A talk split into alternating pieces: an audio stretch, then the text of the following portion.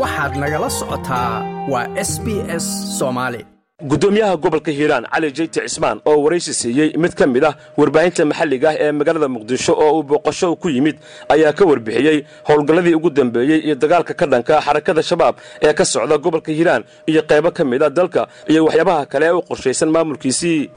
Hiiraan dagaalka ka socda hiiraan keliya horta kama socdo meelo badan buu ka socdaa dhinaca iyo wisil iyo xagga galmudug dagaalaa ka socda inta hiiraan wuu ka socdaa xaggan shabeelada shabeellada dhexe dhaqdhaqaaq baa ka jira isagana wuu ka socdaa dhinaca iyo bakool oo dhanka weliba xuduudda etoobiya xaggeeda ah waa dhaqdhaqaaqay muddoba waa la isku hor yacni ha kala movementi badnaado macnaha qaybano si tartiiba ha socoto ama ha u dhacdo qaybano walashto dheer ha ku socoto laakiin kulli intaaba dhaqdhaqaaq ayaa ka jira marka anuga waxaan ka hadli karayaa ka hiiraan hiiraan dagaalka waxaan ka soo bilownay degmada matabaan magaalada matabaan ka bilownay oo uu saldhigii ka gubay oo inkaar ku riday oo laga kala qaxay uu dadka dhibaateeyey waa inta dhinaca etoobiya ka wareegay. Waxaan ka soo galay dhinaca galbeedka. Halkaasaanu ka soo bilownay haddana wuxuu joogaa xuduudda shabeellada dhexe iyo hiiraan ee xagga sawdka degmada jallaqsi. Halkaasuu joogaa cali jeyte ayaa ka hadlay xidhiirka kala dhexeeya dowladda dhexe ee federaalk ee soomaaliya isagoona beeniyey in ciidanka dowladda gaar ahaan ciidanka danab ay diideen inay ka garab dagaalamaan. Annaga taageero wanaagsanaa dowladda soomaaliyana annagaa ka mida. Oo dee kama anaan imaan annagu waddan kale. Isteydada lagu sheegayaa dowladda ayay hoos yimaadaan wax kala madax bannaan ma jiraan. Marka dowladda annagaa ka mida waaba waxaan annagu gacanta ku haynoon leenahay oon ka shaqaynoon ka midnahay. Milatariga soomaaliya wuu gala dagaalka.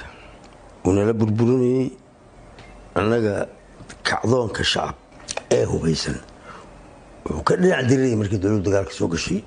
Milatariga soomaliya ka dhinac dirirayay.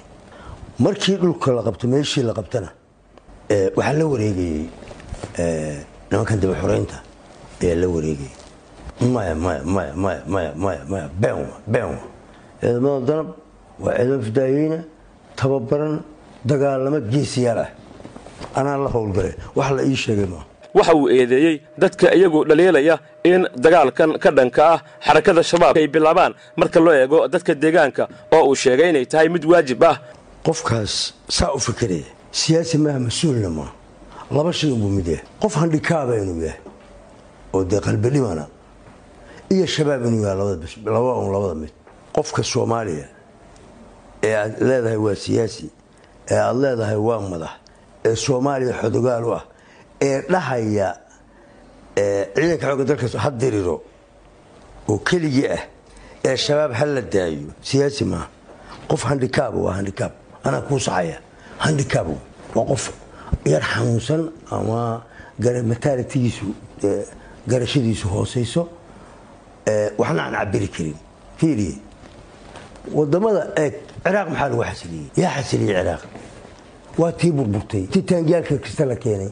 Waa tii wixii la doona lagu sameeyey. Maleeshiyaad dadkii u dhashay wadanka ayaa dib ayaga gacantooda la geliyey. Ayagaa xasiliyey. Kuwan hadda ay leeyihiin in ay dagaal galaan may ahayn. Ayadoo qarax iyo fidno iyo dhibaato iyo argagixiso maare looga waayo. Waxaa xasiliyey kuwan hadda ay diidayaan ee anagu leeyihiin noocaasoo kaleo deegaanka u dhashay ayaa qayb sunniya iyo qayb shiica ah. Ayaa la diyaariyey ayagaana ka saara dalka. Ciraaq waata hadda maanta waa nabad. Marka qofka dhahaya anagu daliilaanu sheegaynaa toban dal baanu sheegaynaa oo nooca sida lagu xasiliya uu noocaan ahaa oo cadowgii iyo argagixisadii ku jirtana noocaan looga saaray qofka dhahaya sax maaha. Muxuu daliishanayaa wuxuu daliishada maayo. Guddoomiyaha gobolka hiiraan cali jeyte oo hormuud u ahaa dagaalka ka dhanka xarakada shabaab ee gobolka hiiraan ayaa mar kale ku celiyey oo difaacay hadalkiisii ahaa in qofkii soo dila shakhsi ka tirsan al-shabaab uu abaalmarin siin doono. Wuxuuse beeniyey inuu isagu amray in la dilo qof aan hubaysnayn. Kadib markii ciidamada macuusleyda la magac baxay lagu eedeeyey inay dileen oo ay jarjareen. Dhallinyaro ay ku sheegeen inay al-shabaab ahaayeen. Oo la yidhiba iska dhaaf hadday diyaar iga tahaba qofku waa inuu al-shabaab yahay. Hadduusan al-shabaab ahayn gacanku dhiiglata maxkamada lagu geyna qofka aad hadduusan al-shabaab ahayn maxkamada lagu geynaa hadduusan hubaysanin xitaa ka mid maa waa inuu hubaysan yahay. Haddaan qofan hubaysnayn iska dishid maxaa caddaynaya in shabaabta? Ma jirto. Waa inuu hubaysan yahay al-shabaab yahay ka shaqaynayo. Meeshii shabaabku ka faltamaya inuu ka shaqaynayo aniga abaalmarintaan soo bandhigay shabaabay ahayd nimankaan shabaab ma ahayn marka iskuma eka. Example laysu keeni kara maa aniga al-shabaabaan sheegay hubaysan nooca in la dilo ama la soo dilo aan amray noocaas waay. Nooca aan qoriga u sitayn dadka oonu hogaaminaya noocaas waay. Dad masaakiina oo dhallinyaraha oo gurigooda jooga ayaa la dilay. Ma filaya qudhaydu hadda? Siday u fakereen iyo meeshay mareen iyo meeshay ka raadiyeen intaba way qaldaneen ma filayo hadda inay u bareereen inay wiilasha iska jarjaraan de shabaab raadi moogtaadi marka aniga waxaan amra may ahayn dad shacaba in la aado haddaan mar labaad ku celinayaa qofka aan amray in la dilo waa qofka haddaba in la dilo qoryaha loo sito waa iyo waa al-shabaab hub wata oo dagaalamaya wixii aan intaa ahaynoon qofkii sameeyey beri ay gaar u tahayno ugu dambayntii guddoomiyaha gobolka hiiraan waxa uu ka hadlay rajada al-shabaab ay ku lahaan karaan inay sii maamulaan qaybo ka mida dalka iyo sida uu u arko ganacsatada la sheegay inay canshuur siiyaan xarakada shabaab. Shabaab waxaan intaasoo qarniba mar bay yimaadaan. Waa fidno waa virus runtii dadka soomaaliyeed way duleysteen laakiin ummadda muslimiinta ilaahay ma nicin bikoos dee alla nacay wuu sooma hal mar usaa dhihi lahaa. Dabaylba ku kicilaasi dhammaan lahay danuubta iyo caloolxumada ay islacagka fadhiyaan soomaalidu ayaana waxyaaba badan oo daalum gacanta ku sitaa ay kula dhacayaan soomaalida. Culimada soomaaliyeed inay si cad u sheegaan diinta qeexaan ay ku dhiiradaan la rabaa ganacsatada soomaaliyeed ee inta lacag dhiibta lacagtoodii qarax lagu sameeyo ummad soomaaliyeed lagu leynayo xaggee geli rabaan aakhira. Waana tukanayaan yarbasaas markaasa intaasi madowda mid walba. Waa qalad oo adeer maa ku maalgeliyo kuwala dagaalamaya.